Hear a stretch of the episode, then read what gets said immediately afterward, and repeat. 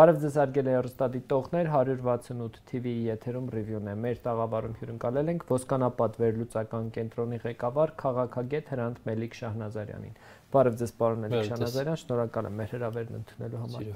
Մոսկվայում ինչ մենք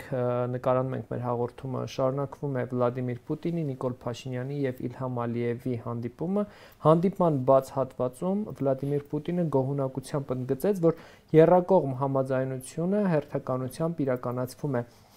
Արդյոք երրակողմ համաձայնությունը հերթականությամբ կատարվում է հաշվի առնելով այն փաստը, որ գոնե գերիների անհետ կորածների հարցը մնում է չլուծված դեպք չափազանց շատ հարցեր կան դեռևս չլուծված եւ չափազանց շատ հարցեր, որոնք ներառված չէին այդ հայտարարության մեջ,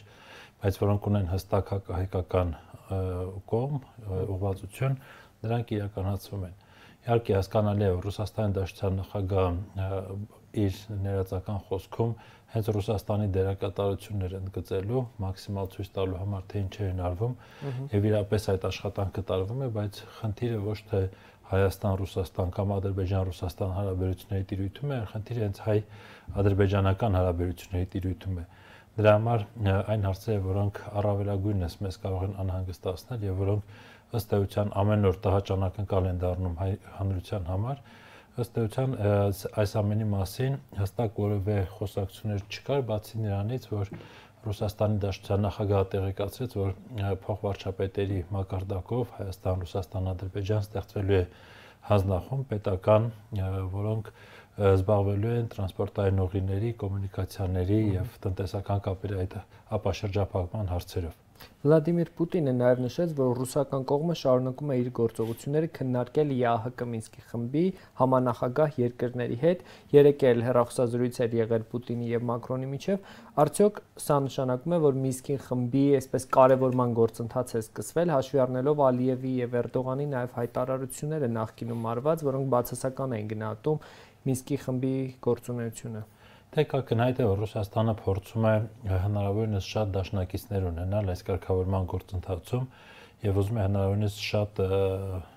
այդ process-ը հենված լինի բոլոր այն ձեռքբերումների վրա, որոնք նախկինում կային։ Ես երբ լսում եի Պուտինի ներածական խոսքը, հասկանում եի, որ Հայաստանին ուղված հստակ ուղերձներ կա, որ կա աշխատանքի տեղ, պետք է այդ ուղղությամբ աշխատեք։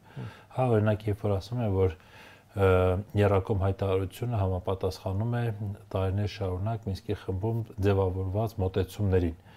Բայց բազում հարցեր ըստ էության մենք գիտենք, որ շրջանցվել են օրինակ ուժի կիրառումը կամ դրա սպառնալիքը, որը ամբողջությամբ անտեսվել է Ադրբեջանի կողմից, ըստ էության նրանք գնացել են խնդրի ռազմական լուծման, որի մասին Մինսկի խմբում տարիներ շարունակ, այդ թվում նաև Ռուսաստանը խոսում է, որ Արցախյան հակամարտությունը ռազմական լուծում չունի։ Հիմա մենք տեսնում ենք, որ պարտադրվում է ռազմական լուծում։ Այո, պատերազմը իր արդյունքների եւ հետևանքներ ունեցավ, բայց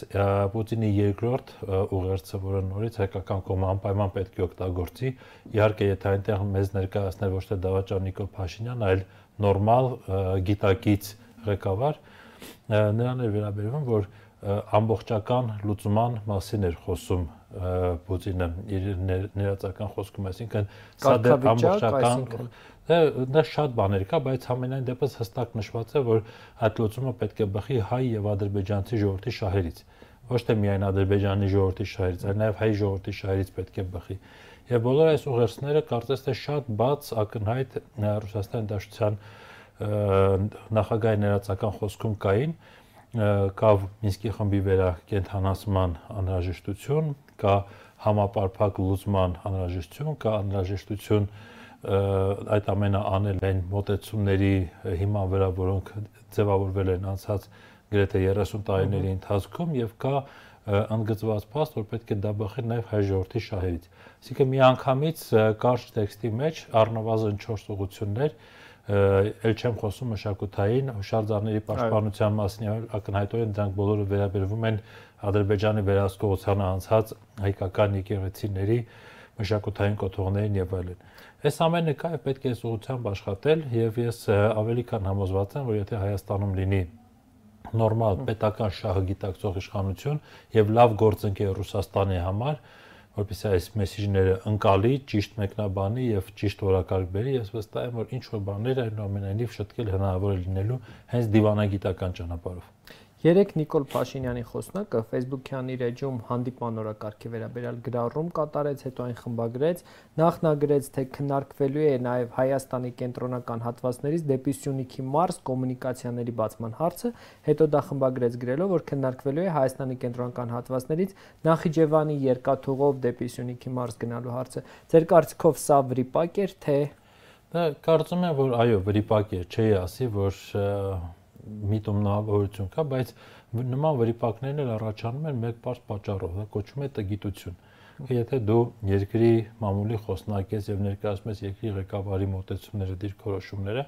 կարելի է գոնե թե մեկ անգամ կարդացածը հասկանալ, հետո հրապարակել։ Չսպասել, որ Facebook-ում ցանկացած օգտատեր մի անգամից այդ խնդիրը նկատի եւ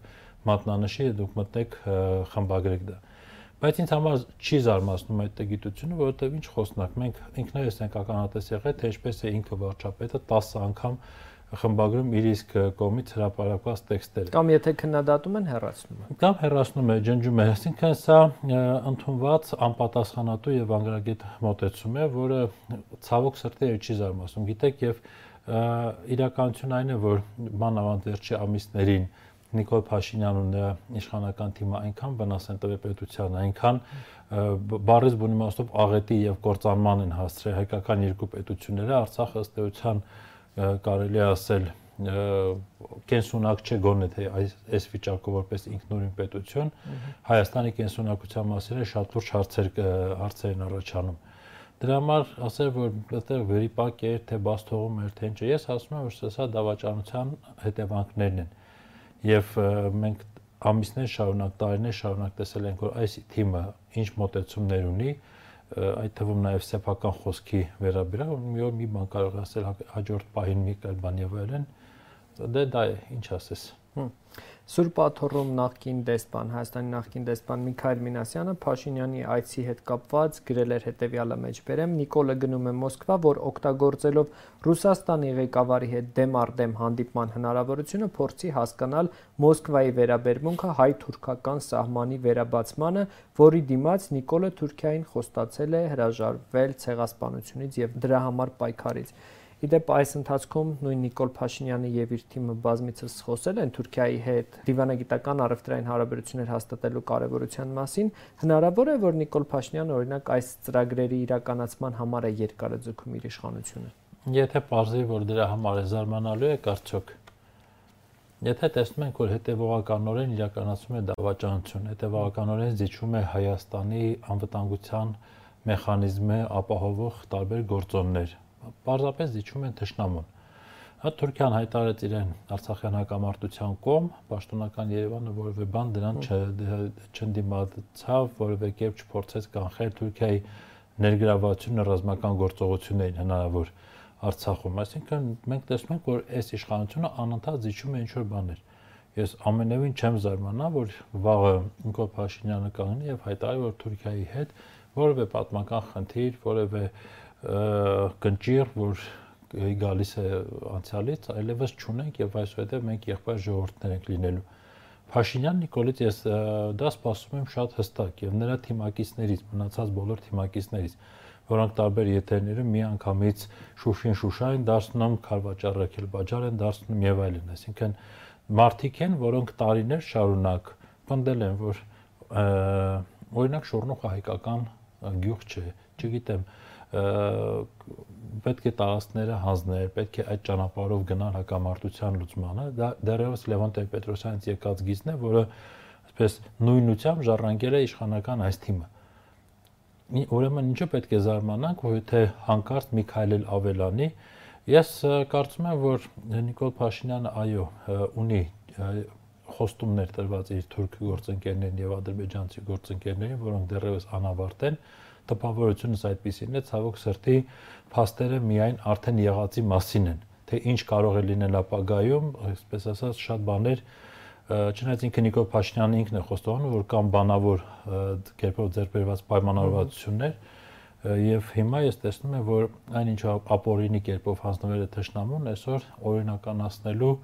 փորձի մեջ են, չգիտեմ, հնարավոր է անգամ մեր զրույցի պահ ինչ որ փաստաթուղթ ստորագրվի կամ գոնե թե հայտարարություն, որտեղ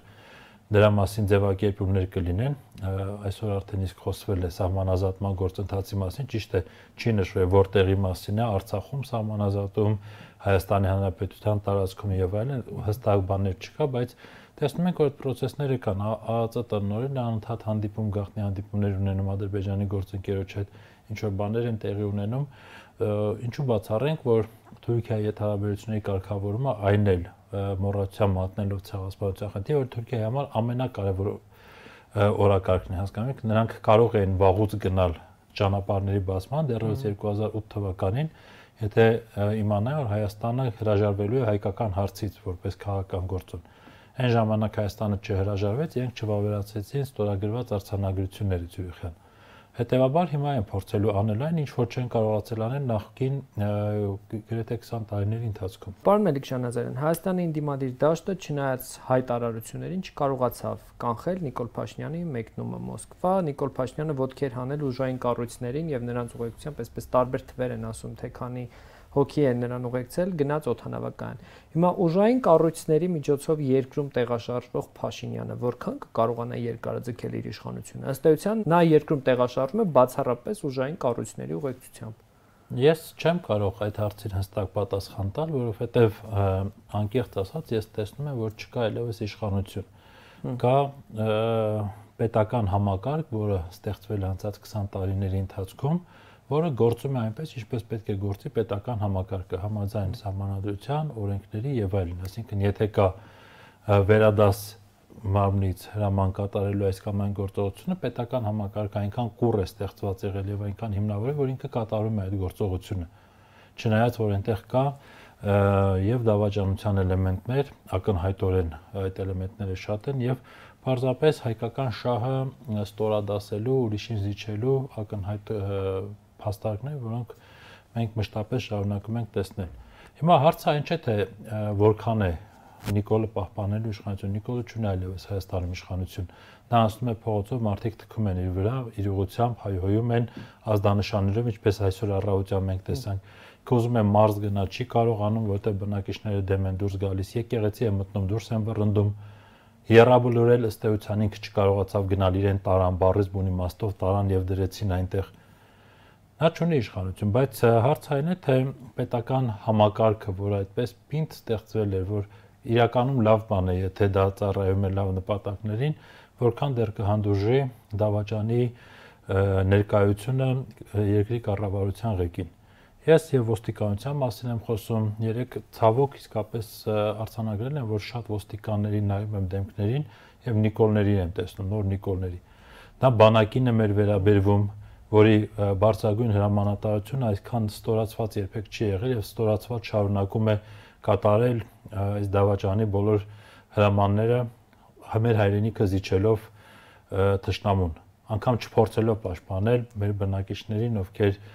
փաստացի հայտնվում են թուրք զինծառայողների հետ դեմ դիմաց դա վերաբերում է մեր իրավապահ համակարգի մեր անվտանգության ծառայություններին բոլորին, այսինքն ինչքան նրանք դեռ կհանդուրժեն այդ պետական ապարատը, որը կոչված է ծառայել Հայաստանի Հանրապետությանը, որքան կհանդուրժի դավաճանի ներկայությունը վարչապետի պաշտոն։ Իսկ գուցե նրանք կաշկանդված են ինչ որ բաներով։ Դրանք կաշկանդված են իրենց պարտականություններով, զուտ թղթային պարտականություններով։ Ցավոք սրտի մոռացել են եւ բարոյականության մասին, եւ վերլուծելու հնարավորությունները մի կողմ դրել։ Չեն անգամ վստահում իրենց համոզմունքներին, որ Հայաստանը չէր կարող, ասենք, թե այս խնդիրները լուծել։ Հիմա ընդդիմությունը արդեն 2 ամսից ավելի է պահանջում է Նիկոլ Փաշինյանի հրաժարականը, դրա համար անցկացում են հանրահավաքներ, անհնազանդության ակցիաներ, նաև ընդդիմությունը հայտարարում է, որ պետականության կորստի արժև է կանգնած երկիրը։ Որքանով են համարժեք ընդդիմության գործողություններն իրենց իսկ հայտարարությանը, որովհետև Նիկոլ Փաշինյանը շարունակում է մնալ իշխանության ամեն դեպքում։ Գիտեք, երբ պետք է խոսել ոչ թե համարժեքության մասին խոսքերի եւ գործողությունների, այլ ցանկությունների եւ կարողությունների համարժեքության մասին Այսինքն ակնհայտորեն երևում է որ կա լուրջ խնդիր, այո, մենք կորցնում ենք մեր պետականությունը, մենք տարածքներ ենք զիջում, մենք դառնում ենք կախված թուրք-ադրբեջանական դաշինքից, այդ թվում նաև տարածքներ կորցնելու պատճառով, բայց ոչ միայն դրա պատճառով։ Հիմա այդ ճանապարհներ եւ այլն այս հարցերը գալիս է, դա գալու է լրացնել եւ այլն։ Բայց ըստ էության մենք տեսնում ենք, որ անդիմադիր ուժերը իսկ ավելի կոնկրետ հայրենիքի փրկության շարժումը անում է այնքան, որքան այս պահին կարողանում է թույլ տալ իր մարդկային ռեսուրսը, իր հանրային վստահությունը եւ այլն։ Մեզ տեսնում եմ լուրջ խնդիր եւ այդ լուրջ խնդիրը ոչ թե տարբեր քաղաքական ուժերի մոտեցումների մեջ, այլ ընդհանրապես մեր հասարակության իրականությունը գնահատելու, իրականությունը ընկալելու մեջ եմ ես տեսնում այս խնդիրը։ Շատ մարդիկ անգամ ինձ համար անսպասելի անհատներ, ովքեր մշտապես եղել են պայքարի առաջնագծում Արցախի համար պայքարի, կամ որպես որ կամ որպես մշակութային գործիչ եւ այլն, համընդհանուր կոտրվածություն կա այս շրջանակների մոտ ժողովրդի բացարձակ մեծամասնությունը բառից բուն իմաստով սքի մեջ է, նա դեռևս վերապրում է այն ցավը, որ ունեցել է, նա դեռ շոկի մեջ է, չի հասկանում վերջապես ինչ տեղի ունեցավ, ինչպես տեղի ունեցավ, չի ուզում հասկանալ ով է մեղավոր, ով ով էր անմեղ, ինչ այլ տարբերակներ կա։ Կապ հաստային, որ կանգնել ենք ազգային խայտարակության եւ կատաստրոֆիկ մեծ մասշտաբի աղետի առջև կեսական սպառնացող, ասի եւ պետությանը եւ մեզ որպես սոցիում, որպես հանրություն մահացու վտանգ պարունակող աղետի առջև են կանգնել եւ մարդիկ դեռ այս ամենը գիտակցելու, վերարժևորելու անհրաժեշտություն են այս պահին ցավի պահին երբ որ տեսնում են աղմուկ, կարևոր չէ թե այդ աղմուկը քեզ դեպի քո խնդիրի լուծելու նոված աղմուկ է, չէ, դա նյարդայնացնում է։ Հիմա ինչքան սпасել, որպեսզի նրանք չնյարդայնանան եւ դուրս գան փողոցով։ Ես այդ հարցի պատասխանը չունեմ, բայց վստահ կարող եմ ասել, որ մեր ժողովրդի եւ մեր հանրության այս վիճակի ամեն մի օրը նոր մահացու հարված է հասնում նույն ժողովրդին եւ նույն պետությանը, չէ, ժամանակ չունենք, եթե հարցը դրա մասին է, չունենք։ Այստեղ երևի թե եւ հայրենիքի փրկության շարժման եւ մնացած բոլոր ընդդիմադիր ուժերի ովքեր որ հիմա ձգտում են Նիկոլի հերասման միջոցով կանխել ազգային աղետը, չեմ ասում իշխանության կռիվ գնալ եւ այլն, որտեղ նմաներներ կան իհարկե շատեր, որոնք փորձում են զգացել են, որ կա շանս ինչ-որ բան փախցնելու, դրա հետևից են վազում, փրկության ծրագիր չեն իրականացնում։ Բայց բոլոր այն ուժերը, ովքեր արդար են իրենց ներքին մղումներում, հիմնական խնդիրը այսօր ոչ թե Նիկոլի դեմ պայքարելն այլ ժողովրդին ոտքի կանգնեցնելը, համոզելը, որ հիմա գործելու պահն է, հենց այս պահին, եթե չէ, վաղ ուշ է լինելու։ Բայց նույն հայրենիքի փրկության շարժման մեջ կազմակերպչական խնդիրներ չեք տեսնում ժողովուրդը այնպես չի, որ դուրս չի գալիս փողոց։ Մենք տեսել ենք, որ նույնիսկ 40-50 հազար մարդ է դուրս եկել փողոց, պարզապես ձանձրալի ինչ որ հանրահավաք եւ մարդկանց ուղարկում են տուն։ Գիտեք, դուք քիչ առաջ հղվեցիք Միքայել Մինասյանի մի մեջբերման վրա, ես երկրորդի վրա կցանկանամ հղվել, որ իմ կարծիքով շատ կարևոր դիտարկում էր։ Կապված նրա հետ, որ Հայաստանում մահացած է քաղաքականությունը։ Ընդդիմադիր ընդդիմադիր շարժումը, ինքի փրկության շարժումը անում է քայլեր, որոնք հատուկ են դասական քաղաքական ընդդիմությանը հանրությունը դա չի սպասում։ Ես դրա մասին առիթ ունեցել եմ խոսելու, ցավոք սրտի դավաճանությունը այնքան նողկալի եւ այնքան կործանարար էր մեզ համար, որ բոլորիս մտքում, բոլորս մեր մտքում դարձել ենք հանցագործ։ Ոչ մեկ չի ուզում Նիկոլի պաշտոնազրկում, բոլորը ուզում են Նիկոլի գնդակահարություն։ Բոլորը ուզում են կախաղան հանել Նիկոլին, բոլորը ուզում են բզկտել նրան դատել դա դատելու մասին ցավոք սրտի խոսում են շատ քիչ մարդիկ իսկ իմ կարծիքով եւ իմ խորին համոզմունքն է որ եթե մենք ուզում ենք վերականգնել մեր կորուստները մենք պետք է գնանք իրավական լուրջ գործողությունների ճանապարհով մենք վերջերս ես շատ եմ խոսում դատիվանքի արդարադատության մասին եւ նույն Միքայել Մինասյան այդ գաղափարը առաջի անգամ դաշտ բերեց եւ որ ասես պետք է համահայկական լուրջ դատավարություն իրականացնենք բոլոր մեղավորներին ներկա, նախկին, ապագա, ում գործողություններ ապագայում միտված էին մեր երկրի թույլաtsmանը եւ պետք է վերջապես այդ դատավարությունը լինի, որպեսզի մեր ժողովուրդը հասկանա, որ սա արժանացավ պատժի SSS գործողությունների համար, սա հերոսացավ SSS գործողությունների համար։ Մինչև դա չլինի, մենք չենք ունենալու կայուն զարգացման եւ առավել եւս հերանեկարային ծրագրեր իրականացնելու հնարավորություն։ Հիմա վերադառնալով ձեր հարցին կապված ընդդիմության պահանջների եւ հանրության պահանջների հետ։ Ես կարծում եմ, որ ամեն դեպքում լուծումը բացատրական բացատրական աշխատանքների մեջ է, որպեսզի նախ ընդդիմությունը հասկանա, որ միայն քաղաքական ճանապարհներով, այսինքն ցույցեր եւ այլն դեռ հնարավոր չէ այդ հարցը լուծել, պետք է ավելի շատ աշխատանք տանել, ավելի շատ մարդկանց փողոց դուրս բերելու համար, որպեսզի պարզապես այդ իրավիճակում այլ իր, այլ ընտրություն Նիկոլ Փաշինյանը չմնա։ Կամ այդ ճնշումը ուղղել ոչ թե դավաճանին, այլ դավաճանին պահող տարբեր օղակների վրա։ Չգիտեմ, դա խորհրդարանը կլինի իմ քայլի ֆրակցիայի պատգամավորները, որոնցից ոմանք արդեն հասկացել են իրողությունը եւ դուրս են եկել այդ ֆրակցիայից։ Դա կլինի իրավապահ համակարգը, որը հաճախ գերա կատարում է իր բաները, պարտավորությունները դավաճանին պահելու հարցում։ Հա ինչպես օրինակ այսօր եղավ առավոտյան մենք տեսանք թե քանի հազար ոստիկաններ էին եւ այնպես էին պաշարել օտանավակայանը, կարծես Թուրքիայից մեծ հարցակում էր լինելու այդ ուղությամբ եւ կարելի էր դրանով այդ ձորքով պահել նման մի հատ հարցակում քանի որ հիշեցիք իմ քայլի խմբակցությանը, խմբակցությունից յուրաքանչյուր падգամավոր, որ դուրս է գալիս, նրա հետևից մյուս իշխանական падգամավորները սկսում են ասել, որ նա ձայն չէր հավաքի միայնակ Նիկոլ Փաշինյանի անունը կար դրա համար է դարձել падգամավոր եւ շատերը նույնիսկ կարծիք են հայտնում որ 2018 թվականին նրանցից որևէ մեկը չէր հայտնվի խորհրդարանում եթե չլներ Նիկոլ Փաշինյանը կամ հակառակը եթե անգամ Նիկոլ Փաշինյանի ուսապարկը լիներ նրանց փոխարեն կհայտնվեր խորհրդարանում ձեր կարծիքով նման որակի ազգային ժողով ունենալով Հայաստանը կարող է այս ճգնաժամային իրավիճակից դուրս գալ? Գիտեք, իրենք իրենց վերածել են ծաղրի առարկայի, բայց ես կարծում եմ, որ դա իրենց համար ավելի նախընտրելի է, քան այն իրական մեղադրանքները, որոնք այսօր կան ուղված իշխանական падգամավորներին։ Նրանք ուզում են լինել ուսապարկ, նախընտրեն լինել ուսապարկ, որ մարդիկ իրենց այդպես կոչեն, քան դավաճան։ Դա ակնհայտ է։ Եվ փորձում են այդքան ստորանալով, իրենց արժանապատվությունը գետնին գցելով, խուսափել ամենավտանգավոր պատժից եւ ամենավտանգավոր իրենց համար վտանգավոր մեղադրանքներից։ Ես երաշխավորում եմ, որ դա չի հաջողվելու։ Այո, Facebook-ում, սոցիալական ցանցերում կարող են մարդիկ ծաղրել, ծիծաղել եւ այլն, բայց մեր հանդության մեջ շատ մեծ է եւ գերակշռող է այն շերտը, ում ոչ ծիծաղն է գալիս, ոչ ծաղրելու ցանկություն ունի, ոչ էլ ոչ ոչ էլ ցանկացած այլ մի բան մարդիկ ուզում են դուրս գալ այս իրավիճակից, մարդիկ ուզում են վերականգնել արժանապատվությունը։ Սա է մեր ազգի հիմնական կարևոր խնդիրը։ Իսկ այդ մնացածին ցավոք սրտի սպասում է շատ վատ ճակատագիր իրականում եւ ոչ միայն նրանց, այլ նաեւ իրենց ծերունդներին, եւ եթե այսօր շարունակ իրենց ծնողներին են հիշում սոցիալական ցանցերում ամենավատ բարերով ցավոք սրտի իրենք ամեն ինչ շարունակում են անել, որպեսզի եւ իրենց զավակները այդ նույն ճակատագրին արժանանան եւ նրանց զավակները եւ այդպես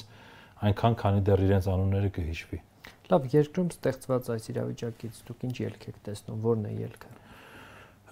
Երբ որ ես գնում եմ միասնակ հայրենիքի փրկության շարժման ցույցերին, դա գնում եմ ոչ թե նրա համար որ զուտ ցանկություն եմ Նիկոլին հեռացնել կամ պայքարել, ես հասկանում եմ, որ մեզ իսկապես պետք է ձևավորել մի այնպիսի կառավարություն մասնագետներից եւ այսպես համընդհանուր կոնսենսուս վայելող կառավարություն, որը պետք է հանրության մեջ բերի առաջին հերթին այդ համերաշխության առաջի սերմերը ցանի։ Մեզ դա է պետք, մեզ պետք է համերաշխության ազգային համերաշխության կառավարություն, մեզ պետք է գիտակից ոչ թե դավաճան, այլ գիտակից երկրի շահերը հետապնդող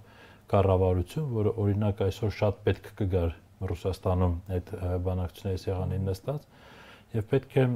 ամեն դեպքում ամեն ինչ անել, որպեսզի ողջ պոտենցիալը մեր ազգային, պետական ցանկացած ինչ ինչ ունենք, հա, դիվանագիտական եւ այլն կենտրոնացվի անկումը կասեցնելու համար չեմ ասում վերականգնելու դեռ, չեմ ասում այս անկումը, որ ամեն օր մենք տեսնում ենք, ինչ որ մի կետում կասեցնելուն պետք է ուղված լինի այդ ջանքերը։ Շնորհակալ եմ զրույցի համար։ Սիրով։ 168 TV-ի եթերում ռիվյուներ, հետևեք մեր հետագա թողարկումներին։